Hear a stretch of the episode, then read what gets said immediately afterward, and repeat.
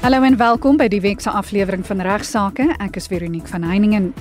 Ek gaan bespreek eerstens 'n saak wat handel oor 'n vrou wat by haar werk positief getoets het vir dagga en uiteindelik afgedank is omrede sy ooglopend nie van plan was om daarmee op te hou nie. Hy praat ook oor dagga vir privaat gebruik. Die meeste werkgewers of alle werkgewers behoort te beleid te hê van zero verdraagsaamheid teenoor die gebruik van dwelms en alkohol by die werkplek. Want dwelms is maar dieselfde as alkohol, is 'n dwelmmiddel en dan het hulle normaalweg die reg om jou se muur af te dank. Dit is al het die konstitusionele hof bevind dis toelaatbaar om die private ruimte te gebruik.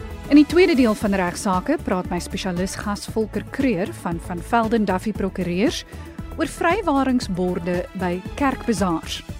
Hy gee ook raad oor watter stappe 'n mens as organiseerders kan neem om die risiko's van eise vir byvoorbeeld beserings so ver as moontlik te beperk.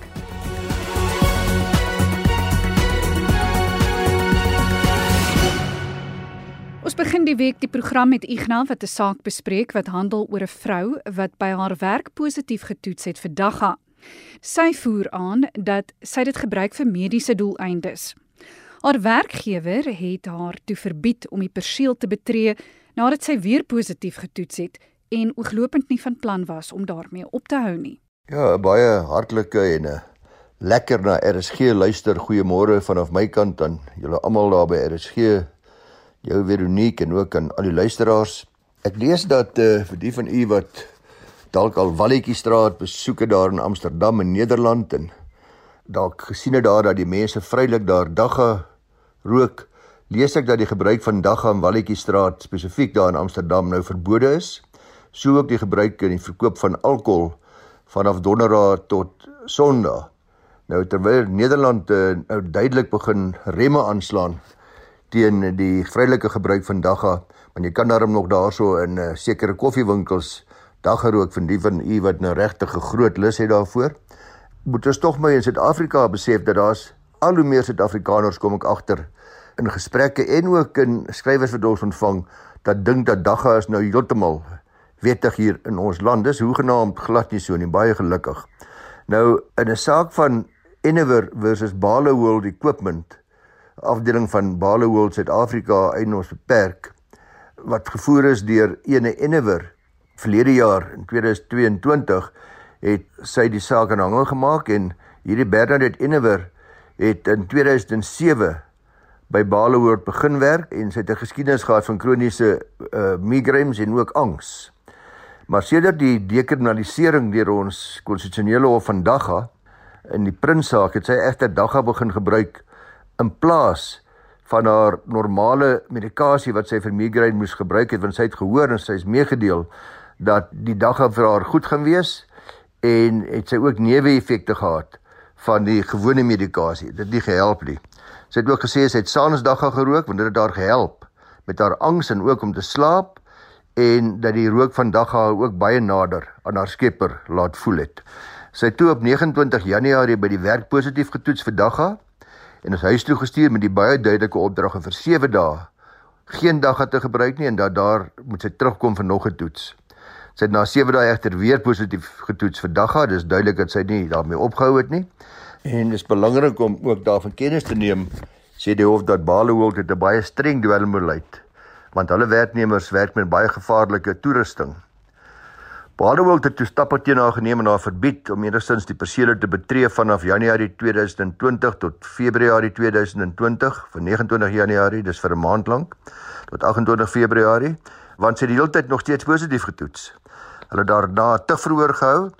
Hulle was toe van plan om haar die finale skriftelike waarskuwing te gee, maar die voorsitter van die tugkomitee het beslis dat dit sou geen doel dien nie, want sy het dit baie duidelik gemaak dat sy nie van voorneme is om op te hou met die gebruik van dagga nie en uh, sy is toe in steede van die finale waarskuwing is sy toe finaal afgedank.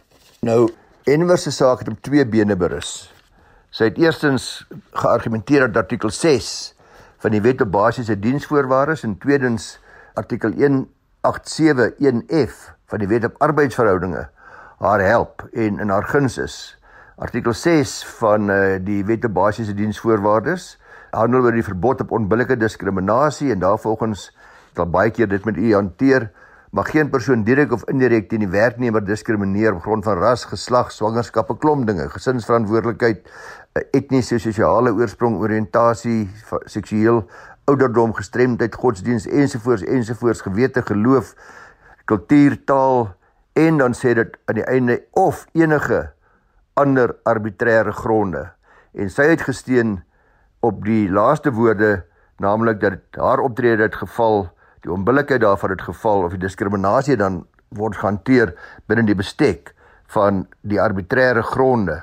Artikel 187 nou weer van die ander wet wat ek genoem het, eh, die wet op basiese diens voor eh, wet op arbeidsverhoudinge, jammer, sê dit is outomaties onbillik as 'n werkgewer 'n werknemer afdank op 'n hele lys van gronde, weer eens ras, geslag, etniese, seksuele oriëntasie, ouderdom, gestremdheid, weergewete, geloof ensovoorts, ook kultuur, taal, huweliksstatus ensovoorts. Nou wat moet die hof antwoord hier? Was die afdanking outomaties ongemagtig, onregverdig, onbillik? Was Balewold se dwelmbeleid diskriminerend? Nou artikel 11 van die Wet op Basiese Diensvoorwaardes handel weer oor die bewyslas. Wie moet bewys dat daar onbillike diskriminasie was? Indien dit beweer word sê hierdie wet dan moet daar gekyk word na al die gronde wat ek nou reeds vir u aangehaal het in artikel 6 van die wet. Dan moet die werkgewer teen wie die bewering gemaak word die dis balehoop met 'n oorwig van waarskynlikhede bewys dat hierdie diskriminasie wat beweer word of nie plaasgevind het soos beweer nie of rasioneel was en nie onbillik was nie en dis andersins regverdigbaar is Indien daar egter onbillike diskriminasie op arbitreëre grond beweer word, soos wat uh, hierdie dame beweer het, dan moet sy die klaagster op 'n oorwig van waarskynlikhede bewys dat die gedrag waarvoor sy aangekla word nie irrasioneel is en dat die gedrag waaroor gekla word kom neer op diskriminasie en dat hierdie diskriminasie onbillik is. Nou wat het die hof alles te sê gehad? Die regter sê in sy uitspraak dat die optrede van enewer suiwer wangedrag was en niks daarvan het die elemente gehad van diskriminasie of outomatiese onbillike ontslag nie. Om die vraag te beantwoord of die dwelmbeleid van Balewold diskriminerend is of was, het die hof gaan kyk of sy bewus was as werknemer van die beleid en dat sy dit desnietenstaande steeds verontagsaam het en of hierdie beleid onderskei tussen verskillende tipe mense uh, tipe soos byvoorbeeld ras, kulture ensovoorts, tipe werknemers. Die regter het dit baie duidelik gemaak dat Enewer gefaal het om te bewys dat die dwelmbeleid op enige manier teen haar gediskrimineer het. Hy het ook gesê dat sy die dagga gebruik het vir medisinale doeleindes, soos sy beweer het, is 'n bietjie twyfelagtig. Dit is dalk 'n nagedagte omrede sy die verantwoordelikheid gehad het om vrywillig haar mediese toestand aan Bale hoort bekend te maak en om daar leiding te soek. 'n Belangrike aspek wat die hof sê, as 'n werknemer 'n toestand het wat die werk beïnvloed, dan gaan deel dit met jou werkgewer. Vra leiding, gaan hoor hoe hulle kan help, maar sy het dit nie gedoen nie. Die regter vra ook 'n belangrike vraag. Hoekom het sy gewag om eers aangekla te word vir die gebruik van dagga alvorens sy haar mediese toestand toe nou skielik geopenbaar het? Hy was verder van mening dat Enewer nie die hof van haar vertroue geneem het oor hoe haar diskriminasie was presies nie of hoe dan nou watter manier sy dink dat sy onbillik behandel was nie en die hof beslis op 1 Junie 2022 die arbeidshof nou dat Balewold nie teen Enewer enigstens gediskrimineer het nie en dat sy nie onregverdig afgedank is nie en sy bly dus afgedank. So luisteraars, ons hof het dit baie duidelik ook onlangs gemaak in 'n paar sake dat die prins saak wat die konstitusionele hof na Dagga se dekriminalisering gekyk het, nooit gesê het dat die gebruik van Dagga gewettig is of dat dit nie meer as 'n dwelmmiddel beskou kan word nie. Die hof het bloot gesê dat die gebruik van Dagga vir jou eie privaat doeleindes in jou woning nie 'n kriminele oortreding is nie. Igna, wat gebeur nou indien mens wel dagga van tyd tot tyd by die huis gebruik en steeds gaan werk die volgende dag?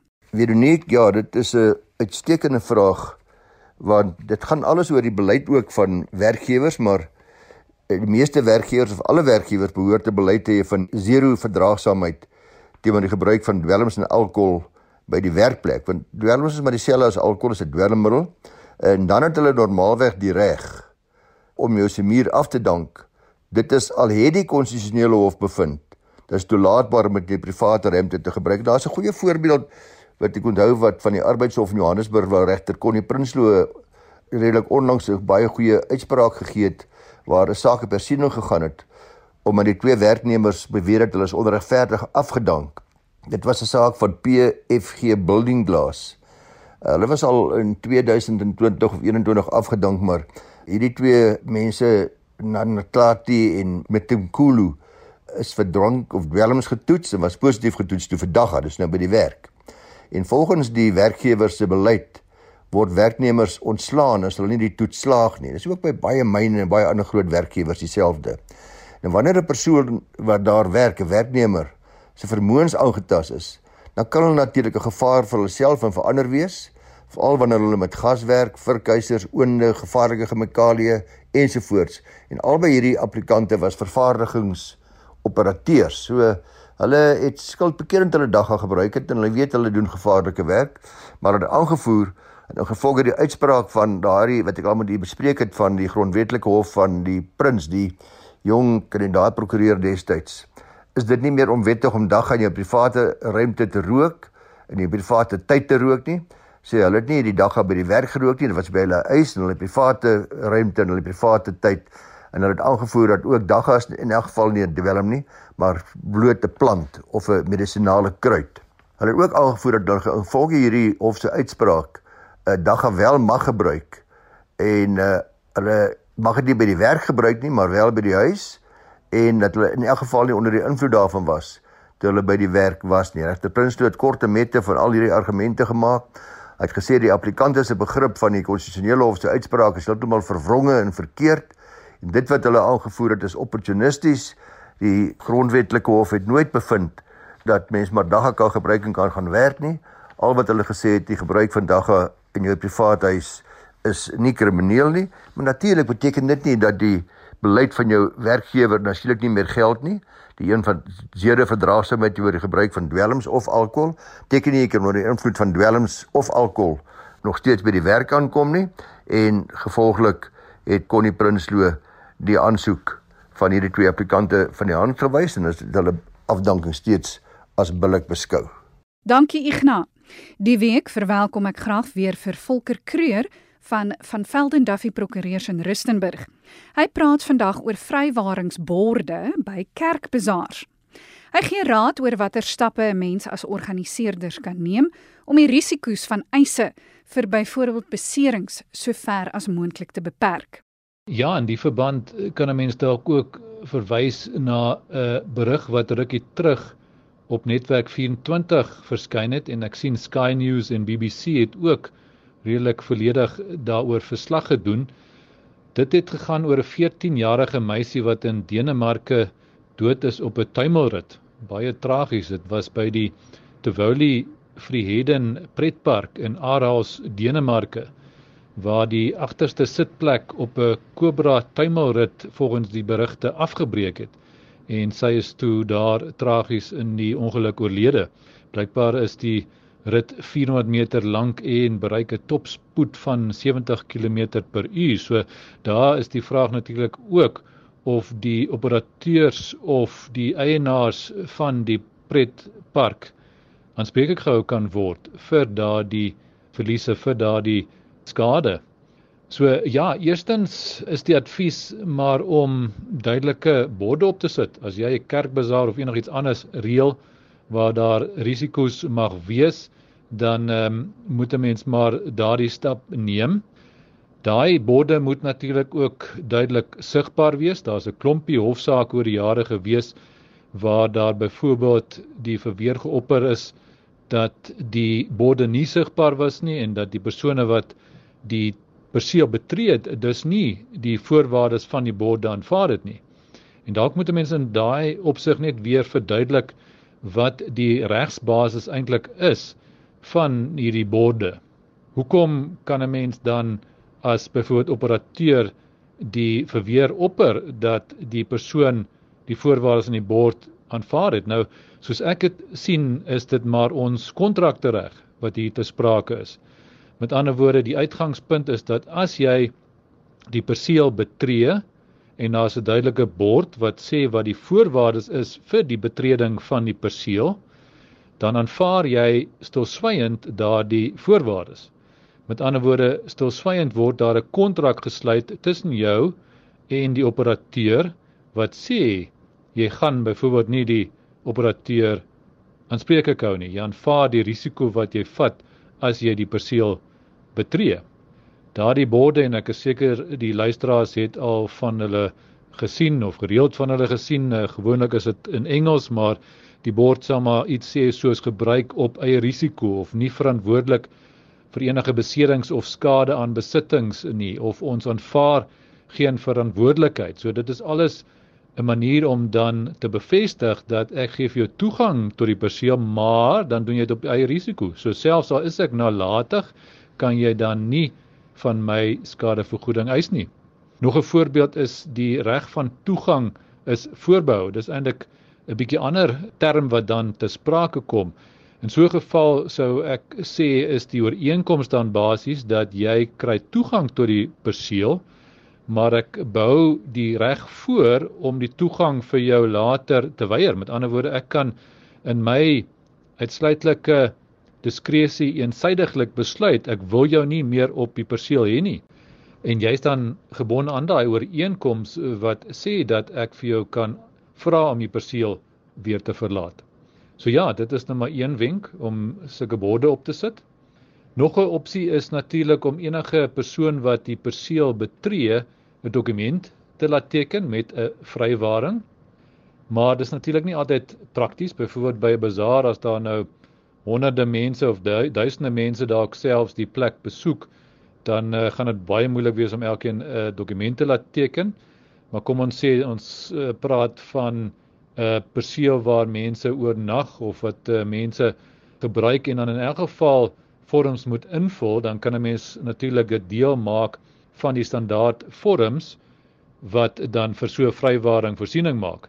Maar in so 'n geval moet die vorms dan ook net daardie vrywaring duidelik uitlig. Aan die ander word 'n bietjie dieselfde beginsel as die borde uh, sodat die persoon wat die dokument dan teken nie later kan sê dis weggesteek en ek is eintlik mislei deurdat daai vrywaring wat deel was van die dokument wat ek geteken het eintlik nie aan my geopenbaar is nie. So maak maar seker dat jou vorms ook dan duidelik die vrywaring uitwys sodat so 'n argument van die ondertekenaar gevnuik kan word.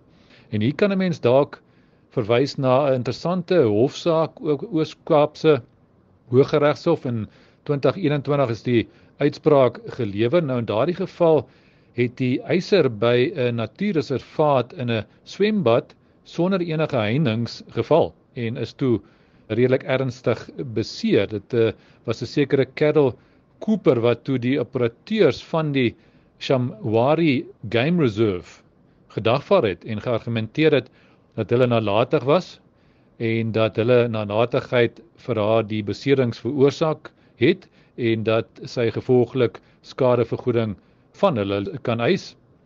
Die hof het egter ongelukkig vir die Carol Cooper anders beslis. Die hof het gesê nee, dit was haar eie skuld op uh, grond van 'n uh, ondersoek van die feite en so meer het die hof bevind dat dit nie die operateur se skuld was nie, so nalatigheid was wat die ongeluk veroorsaak het nie, maar eerder haar eie optrede. En op grond daarvan het sy die saak verloor, was die eis onsuksesvol en dan belangrik vir ons onderwerp het die hof in die alternatief in elk geval gesê dat daar was 'n vrywaring in die registrasiedokumente wat sy geteken het wat in elk geval bepaal het dat sy hulle nie aanspreek kan hou nie vir enige verliese wat sy mag ly al is daar skade te sprake as gevolg van hulle nalatige optrede. So ongelukkig weer eens vir haar was daardie eis nie suksesvol nie. So dis nou maar die dokument wat 'n mens ook kan laat teken om die vrywaring te bevestig. Nog 'n verbandhoudende wenk wat 'n mens dalk in aanmerking kan neem is natuurlik versekerings wat 'n mens kan uitneem vir sulke gevalle om te sorg dat as daar dalk nou wel aanspreeklikheid sou wees dat 'n mens dan die nodige versekerings het en die nodige dekking het wat 'n mens dan kan gebruik om enige suksesvolle eis van 'n beseerde persoon of 'n persoon wat ander skade gelei het dan kan betaal. Nou in my ondervinding is so 'n uh, versekeringspolis daarom gewoonlik nie te duur nie. En 'n interessante voordeel wat 'n mens ook dikwels kry deur van sulke versekerings gebruik te maak, is dat die versekeraars redelik streng is met hulle voorwaardes voordat hulle die polis sal goedkeur. So hulle gebruik natuurlik 'n ondervinding oor wat kan skeefloop en dan sê hulle vir jou, hoorie, dit is my voorwaardes waaronder ek vir jou hierdie polis sal gee. En dit het eintlik die voordeel dat dit jou dwing om aan daai voorwaardes te voldoen en dan in die proses neem jy eintlik in effek klaar voorkomende stappe om te sorg dat die betrokke ongeval dan nie gebeur nie, dat daai betrokke risiko dan in effek klaar vermy word sodat dit daai indirekte voordeel ook deur dan van, van versekerings gebruik te maak.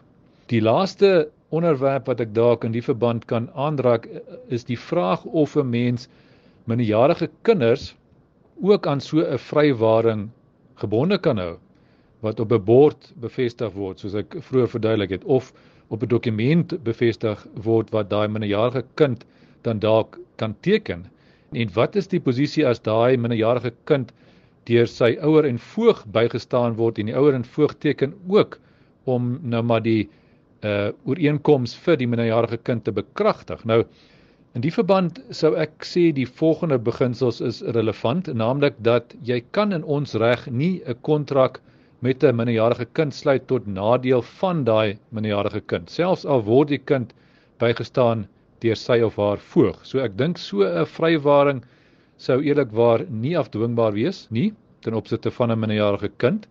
Maar wat 'n mens wel kan doen is om 'n vrywaring na my mening te kry van die ouer wat jou skadeloos stel teen enige verliese wat die kind mag ly. Met ander woorde dit beteken jy kom in 'n ooreenkoms met die ouer ooreen dat as 'n minderjarige kind dan die skade sou ly en verliese sou ly, dan gaan die ouer daarvoor instaan. Met ander woorde is dalk nou nie verweer teen die kind as sulks nie omdat jy nou nie daai kontrak met 'n minderjarige kind tot sy nadeel kan teken nie, maar jy kan dan wel 'n verhaalsreg vasmaak met so 'n ouer om seker te maak dat jy dan daardie reg het om van die ouer te verwag om die skade te dek.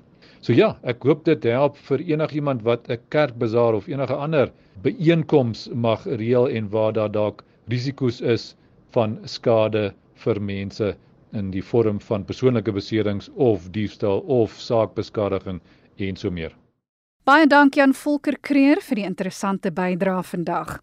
Dis ongelukkig waar ek nou moet groet en dankie ook aan Ignas vir sy bydrae tot vandag se program. Vir enige navrae stuur gerus 'n e-pos na my toe by vero@rsg.co.za. Van my Veronique van Heiningen. Groete tot volgende week.